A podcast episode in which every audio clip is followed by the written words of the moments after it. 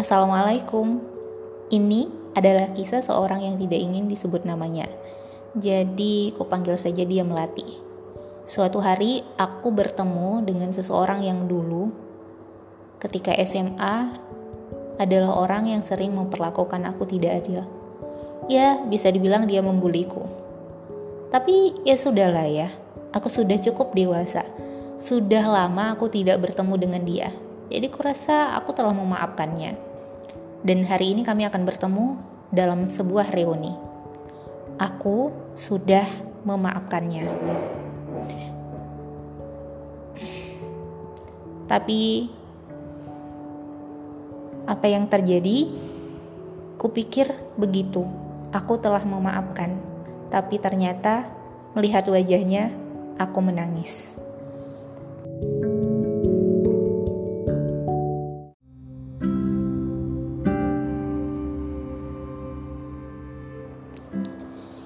Jadi teman-teman, mungkin kita sering mengalami apa yang dialami Melati ya.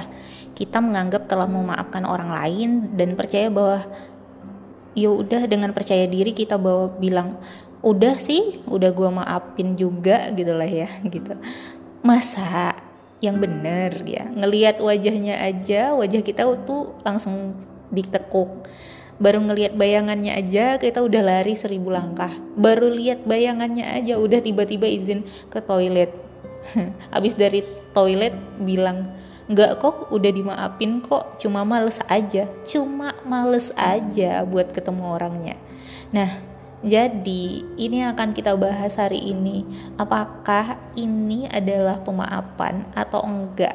Atau cuman kayak bilangnya aja maaf tapi nyatanya enggak. Kita coba bahas hari ini di uh, psikologi Melayu tentang sifat pemaaf.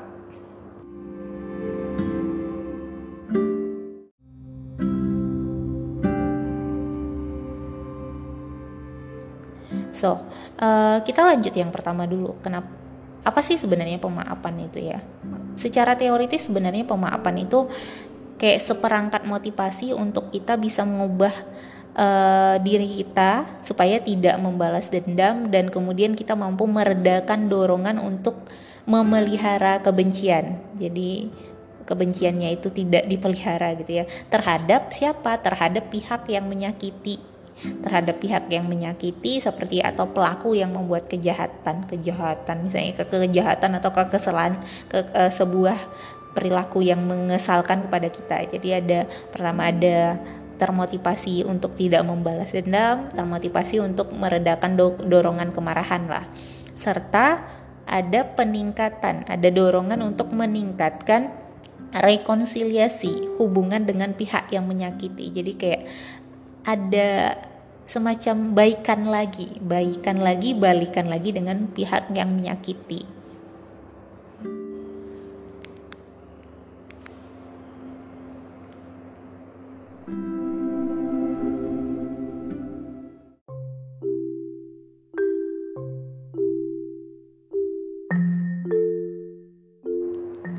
Nah, intinya ketika kita mulai melakukan pemaafan, kita itu akan uh, memberikan respon positif yang sehat sehingga kemudian kita memutuskan untuk melepaskan kemarahan, uh, tidak membalas dendam. Nah, nah, namun demikian sebenarnya uh, apa ya?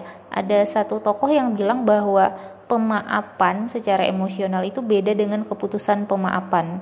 Jadi kalau kita memut, e, melakukan keputusan untuk memaafkan berarti artinya kita memutuskan untuk mengontrol perilaku diri kita dalam interaksi. Jadi kayak ketemu dia kan sebenarnya kita uh, masih kesel sama dia Kar tapi karena kita mau memutuskan untuk memaafkan kita kontrol perilaku kita kita kasih senyum terbaik kita untuk dia padahal dalam hati kesel. Nah tapi belum memaafkan tapi udah memutuskan oke okay, kita maafin dia ya udah kita balikan lagi aja. Tapi mungkin ya walaupun ada kesel di dalam hati. Jadi pertama ketika memutuskan memaafkan kita kontrol perilaku kita dalam interaksi. Kita memutuskan tidak membalas dendam udahlah ya terserah dia lah ya udah lewat-lewat gitu ya. Tidak mengekspresikan kebencian. Nah dalam artian ketemu dia ketemu bayangannya ya udah dihadepin gitu. Kasih senyum terbaik gitu kan. Nah itu. Jadi tidak mengekspresikan kebencian. Dan kemudian membebaskan pelaku dari setiap utang sosial ya dalam artian utang sosial itu udah kayak bebas aja mau ya udah pergi pergi kalau enggak enggak gitu. Yang ditimbulkan dari pelanggaran walaupun dia menyakiti kita pelanggaran itu ya perilaku yang menyakiti kita. Nah itu baru memutuskan untuk memaafkan katanya katanya si Exlin Baumister ya. Jadi itu baru memutuskan untuk memaafkan, belum benar-benar memaafkan karena masih sifatnya kayak internalnya kita, masih intrapersonal ya. In, oh, no, sebenarnya ada intra dan inter tapi belum keseluruhan.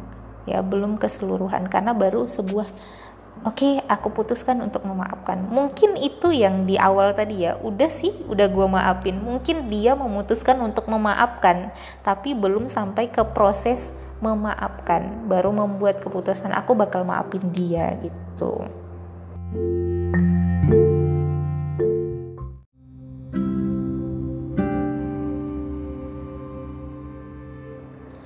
Lalu apa sih uh, yang membuat kita akhirnya bisa sampai kepada pemaafan sepenuhnya gitu ya. Dimensi apa sih yang harus dipenuhi orang ketika dia melakukan pemaafan? Ini kita masih bicara tentang teori luar ya, teori barat gitu ya, karena berkaitan dengan pemaafan. Uh, mungkin saya singgung sedikit ya dulu. Kalau dulu itu orang lebih sering melakukan penelitian pemaafan tuh lebih kepada pemaafan in, intrapersonal ya, intrapersonal. Intrapersonal itu eh, intrapersonal itu adalah salah satu dimensi dari pemaafan. Jadi pemaafan intrapersonal mak maksudnya adalah memaafkan dari sisi psikisnya, emosinya individu. Jadi ya apa yang ada dalam diri individu. Tapi kemudian uh, berlanjut uh, tahun 2000-an itu ya mulai-mulai mulai banyak penelitian yang uh, tidak hanya dari sisi interpersonal ya tapi juga dari sisi uh, inter dan intra. Jadi dua-duanya diteliti. Dan itulah ternyata uh, dimensi dari pemaafan jadi dimensi pemaafan itu ada dimensi intrapersonal sama interpersonal. Oke. okay.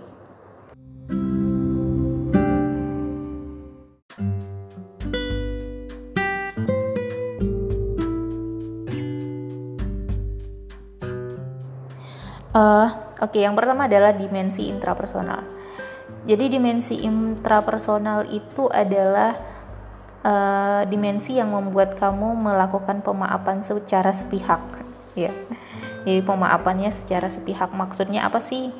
Dalam artian misalnya gini, ini ada orang nih yang bikin kalian kesel, uh, pinjam pensil nggak dibalikin, uh, gitu ya. Udah sampai 10 pensil nggak dibalik-balikin ya. Pensil lagi pulpen kali ya pensil waktu SD kali ya. Uh, atau misalnya ketika kalian ma makan bakso sama dia dia nggak pesen bakso tapi bakso kalian yang habis sama dia gitu kan. Itu kesel ya kesel gitu kesel. Dan akhirnya itu tapi uh, hubungan kamu sama dia tetap baik-baik aja. Walaupun kamu kesel saat itu kamu tetap melanjutkan hubungan sama dia dan uh, kamu bilang dalam hati itu kayak gini. Ya udah sih dia kan memang seperti itu orangnya gitu. Mulai berpikir seperti pelaku misalnya uh, mungkin dia ngerasa kamu itu sahabatnya dia jadi dia kayak gitu sama kamu nih nah, ada berarti ada aspek emosi dan kognisi yang uh, teman-teman coba lakukan pemikiran konsep emosi atau kognisi yang teman-teman coba lakukan sehingga teman-teman memaafkan dia gitu kan sehingga teman-teman memaafkan dia itu adalah bentuk dari pemaafan eh, intrapersonal. Jadi pemaafan yang kita lakukan kita kayaknya tuh kayak ada satu kejahatan itu berkutat di dalam pikiran kita sama perasaan kita tapi kita sortir sendiri kita sortir sendiri kemudian kita bilang oh kita udah maafin kok gitu jadi uh, semacam proses yang dilakukan pihak korban ya yang mencoba berdamai dengan emosinya sendiri. Jadi berdamai dengan diri. Nah, gitu. Ini salah satunya. Jadi self forgiveness. Jadi uh, bukan memaafkan diri sendiri ya, lebih tepatnya memaafkan di dalam diri dengan emosi sendiri. Dan kebanyakan pemaafan ini lebih ke orang asing ya. Atau memang dengan orang yang kita tuh harus bisa melanjutkan hubungan lagi dengan dia. Jadi pemaafan yang dilakukan dalam hubungan apa ya close relationship misalnya besok kalau udah punya suami ya sih kesel sama suaminya tapi ya atau kesel sama istrinya tapi ya ya tetap harus dilanjutin hubungannya. Ya udah berarti kita harus berdamai dengan diri sendiri. Kesel sih sama adiknya kesel sih sama kakaknya tapi kita harus tetap melanjutkan hubungan itu dan akhirnya ya udah kita berdamai dengan diri sendiri gitu. Nah karena dalam artian anda tidak bisa me, me, apa ya me mengatakan kepada orang tersebut bahwa anda tuh kesel atau apa gitu. Nah akhirnya interpersonal intrapersonal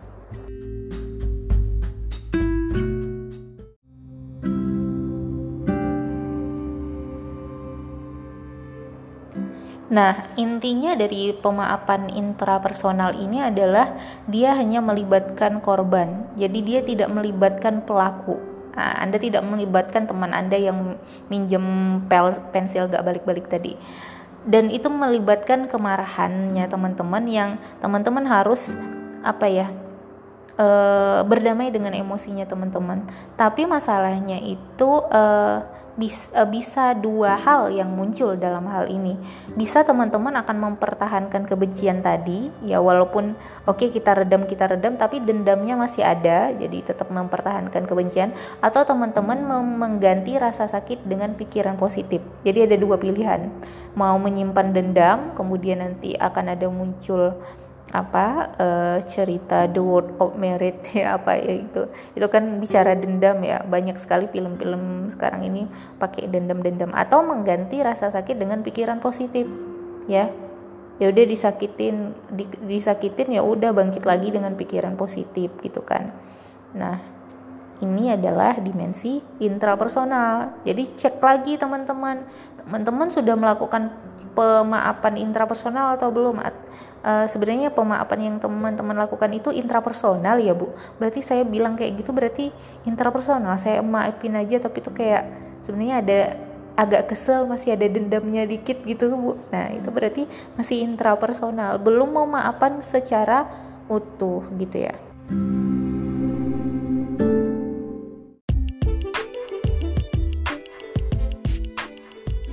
Oke, okay yang berikutnya itu adalah pemaafan dengan dimensi interpersonal ya. Jadi ini kebalikan dari dimensi intrapersonal. Ini akan melibatkan korban dan pelaku dan tidak melibatkan dendam. Jadi atau minta ganti rugi lah gitu. Balikin pensilnya gitu. Dan uh, teman-teman sudah siap untuk kembali memulai hubungan dengan uh, dengan apa ya? Dengan orang yang menyakiti teman-teman. Jadi dan ini juga berhubungan dengan pengalaman hidup ya.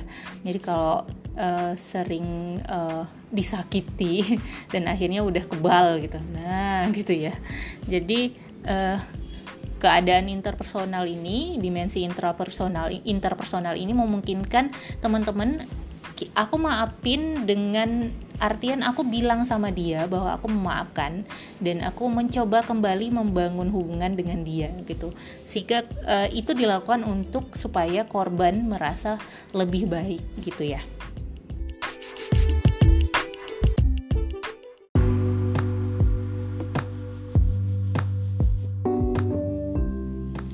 Nah, uh, ketika kita bicara dengan dimensi pemaafan, uh, kita melihat apakah orang akan memaafkan atau tidak. Ini sebenarnya ada beberapa hal yang akan dilakukan individu ya. Ada yang uh, dia memaafkan secara interpersonal, tapi dia tidak memaafkan secara intrapersonal. Berarti ini dianggap sebagai hollow forgiveness. Jadi pemaafan semu ada yang dia memaafkan secara intrapersonal tapi tidak interpersonal ya. Jadi dia memaafkan secara intra personal tapi tidak memaafkan secara interpersonal. Jadi ini dianggap sebagai silent forgiveness. Silent forgiveness ini dianggap sebagai pemaafan uh, dengan tidak mengungkapkan ya. Sementara yang berikutnya adalah pemaafan full ya, full pemaafan atau total forgiveness. Ini melibatkan uh, dimensi intrapersonal dan uh, interpersonal. Dan inilah yang harus teman-teman lakukan. Dan terakhir tentu saja mau intra kek mau interpersonal kek eh, dua-duanya tidak dilakukan ya. Dalam artian berarti orang itu tidak memaafkan gitu ya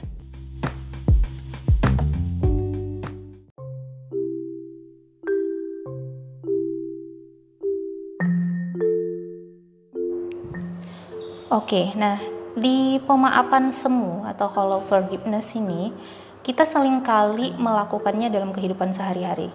Nah, ini tuh terjadi ketika kita sebagai korban lah ya, mengungkapkan pemaafan kepada pelaku tapi tidak benar-benar memaafkan pelaku secara pribadi gitu ya. Uh, semacam korban terus menyimpan kebencian, masih ada dendamnya, masih ada rasa sakit. Walaupun udah bilang, aku maafin kamu kok gitu. Itu yang kita lakukan ya yang tadi di segmen pertama. Aku udah maafin kamu kok tapi tuh kayak itu tuh cuman uh, dari luarnya saja gitu. Itu dianggap sebagai pemaafan semu. Ya jadi kata-kata aku memaafkanmu itu hanya kayak menandai mungkin korbannya memulai uh, mau mencoba memulai memutuskan memaafkan tapi tidak tidak melakukan pemaafan. Jadi uh, karena dia tidak melibatkan pelaku jadi kayak uh, pen, pelaku bilang bahwa ini masalahnya berarti udah selesai dong gitu. Karena kamu udah bilang kamu maafin aku. Padahal uh, pelaku tuh dengan nyaman ya udah gitu. Uh, balik lagi kayak biasanya lagi gitu. Makan bakso diambil lagi gitu. Tapi uh, sementara uh, kita tuh masih menyimpan kebencian dan rasa sakit. Kita masih belum bisa berdamai dengan emosi kita, sementara orang lain sudah tidak merasa bersalah lagi terhadap kita. Nah, itu yang terjadi di pemaafan semu. Jadi kita bilang maaf, tapi dalam hati kita itu masih gondok gitu. Oke, rekonsiliasi terjadi kembali dengan orang yang melakukan ini, melakukan dosa lagi, kesalahan, tapi kita sendiri tidak bisa ber berdamai dengan emosi kita. Itu kan sedih teman-teman. Masa orang lain yang nyakitin kamu tapi kamu yang merasa lebih sakit sementara dia biasa aja. Ya sudah lakukan rekonsiliasi terhadap emosimu sendiri. Selesaikan dengan diri kita sendiri.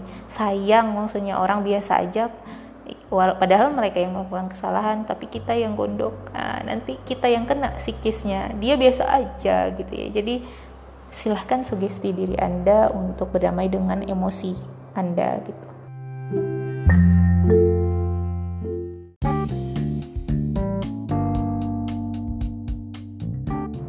Nah, berikutnya adalah uh, pemaafan tanpa pengungkapan, silent forgiveness. Jadi kayak uh, korban telah memaafkan pelaku tapi tidak mengungkapkannya. Jadi kayak sebenarnya kalian udah maafin tapi kalian nggak mau bilang sama dia gitu. Sehingga pelaku dalam kondisi yang menyakiti itu selalu merasa kayak ngerasa bersalah ngerasa berhutang minta maaf terhadap korban. Yang kadang kayak kita bertindak seolah-olah masih marah gitu ya.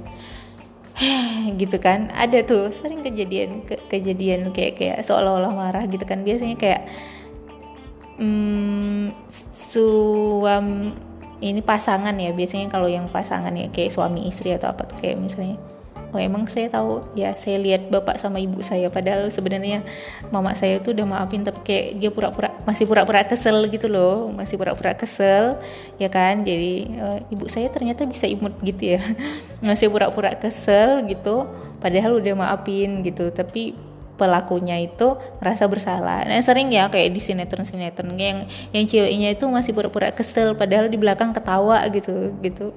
Dia udah maafin tapi kan pelakunya bilang bahwa uh, itu tuh dia masih merasa bersalah. Nah ini silent forgiveness jadi kayak yang unyu-unyu gitu kali ya. Nggak juga sih tapi ini juga berbahaya sih kasihan pelakunya gitu.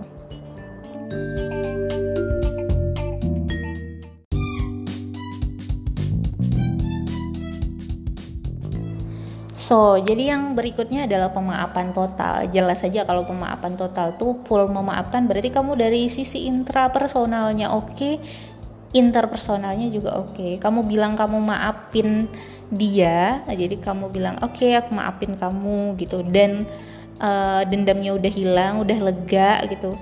Dan kemudian bisa balik lagi dengan hubungan yang direkonsiliasi. Jadi artinya tetap biar uh, tetap berperilaku seperti biasa saja udah gitu. Nah itu kok total forgiveness sementara yang terakhir kombinasinya adalah nggak intra nggak inter berarti ya udah nggak melakukan pemaafan.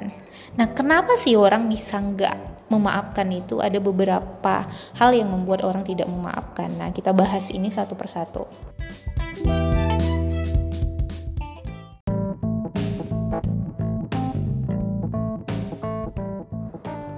Kenapa orang tidak memaafkan? Pertama tuh kayak dia pengen memperoleh simpati dari perhatian orang sekeliling. Ya kan? Dan aku adalah korban, tolong aku gitu ya. Jadi kayak dia punya apa ya? Pengen dapat perhatian dan simpati dari orang lain sehingga kemudian kadang kala ini bisa menjadi keterbiasaan. Jadi kayak kalau dia terlalu sering mendapat perhatian dari dengan menjadi korban, nah itu akhirnya dia akan beranggapan kalau mendapat memberikan maaf kepada pelaku berarti dia akan kehilangan perhatian atau kepedulian dari orang-orang sekeliling. Nah, ini bahaya kalau udah jadi kebiasaan ya, teman-teman. Kemudian yang kedua, dia itu pengen nunjukin bahwa secara moral aku tuh loh yang benar dan pelaku yang salah. Nah, gitu ya. Aku tuh loh yang benar dan pelaku yang salah karena dia udah kayak gini kayak gini. Jadi aku harus marah gitu. Berarti itulah kebenarannya. Yang benar tuh aku karena aku yang marah dan dia yang melakukan kesalahan karena aku yang uh, aku yang disakiti dan aku nggak mau maafin gitu ya. Nah uh, entah itu yang dilakukan secara oleh pelaku itu disengaja atau tidak disengaja mengganggu orang lain itu dianggap sebagai pelanggaran hak bagi korban. Dan korban uh, apa ya terpaku pada upaya untuk memperlihatkan dia lagi-lagi memperlihatkan ke orang sekeliling bahwa aku tuh loh yang benar yang dia itu loh yang salah gitu. Di, di bisa jadi dengan digosipin segala macam gitu.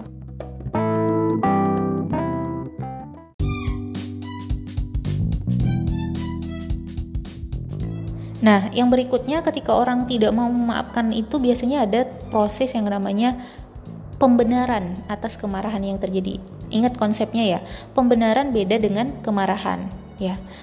Uh, kayak emang dia kayak gitu sih yang disakitinnya itu nggak cuma satu tapi banyak gitu.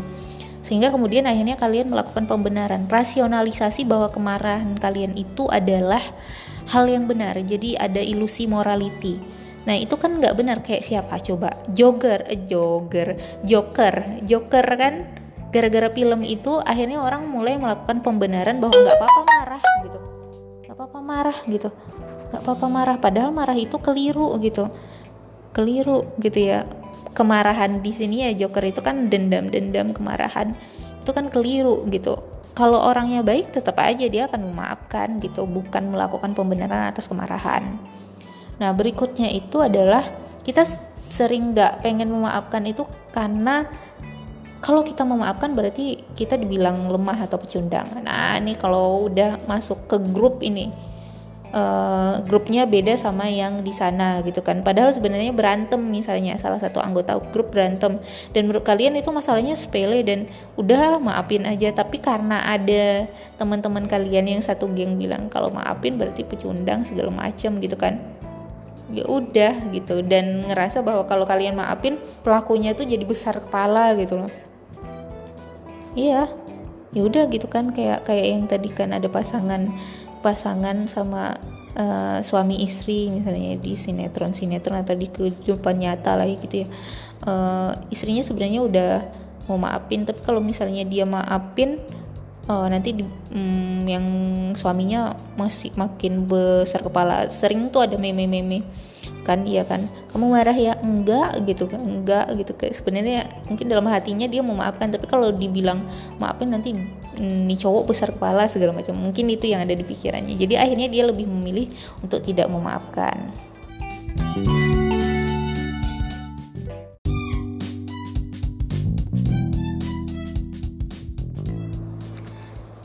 Nah, uh, berikutnya adalah uh, kenapa tidak memaafkan karena adalah itu berarti dianggap tidak mampu membela hak kita. Jadi kayak kita dirugikan orang lain, kenapa kita tidak melawan gitu, kenapa kita tidak marah gitu. Ada konsep yang seperti itu. Ya udah gitu. Uh, nggak usah dimaafin gitu artinya ketika kita tidak memaafkan berarti kita uh, membela hak kita kalau kita memaafkan berarti mem, mem, me, kita nggak mampu membela hak kita. Nah itu yang kayak gitu tuh kan bahaya ya pemikiran seperti itu. Jadinya akhirnya nanti ke intranya kita negatif ya. Jadi berdamailah dengan emosi. Tujuan hari ini adalah berdamai dengan emosi anda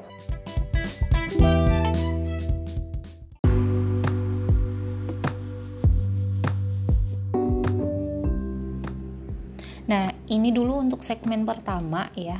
Jadi uh, selanjutnya kita akan bahas tentang bagaimana sih uh, tahapan pemaafan, bagaimana sih pemaafan di Indonesia uh, akan kita lanjutkan di segmen berikutnya. Dan untuk ada pertanyaan silahkan di sini ya, di sharing ke sini dan akan saya jawab. Terima kasih.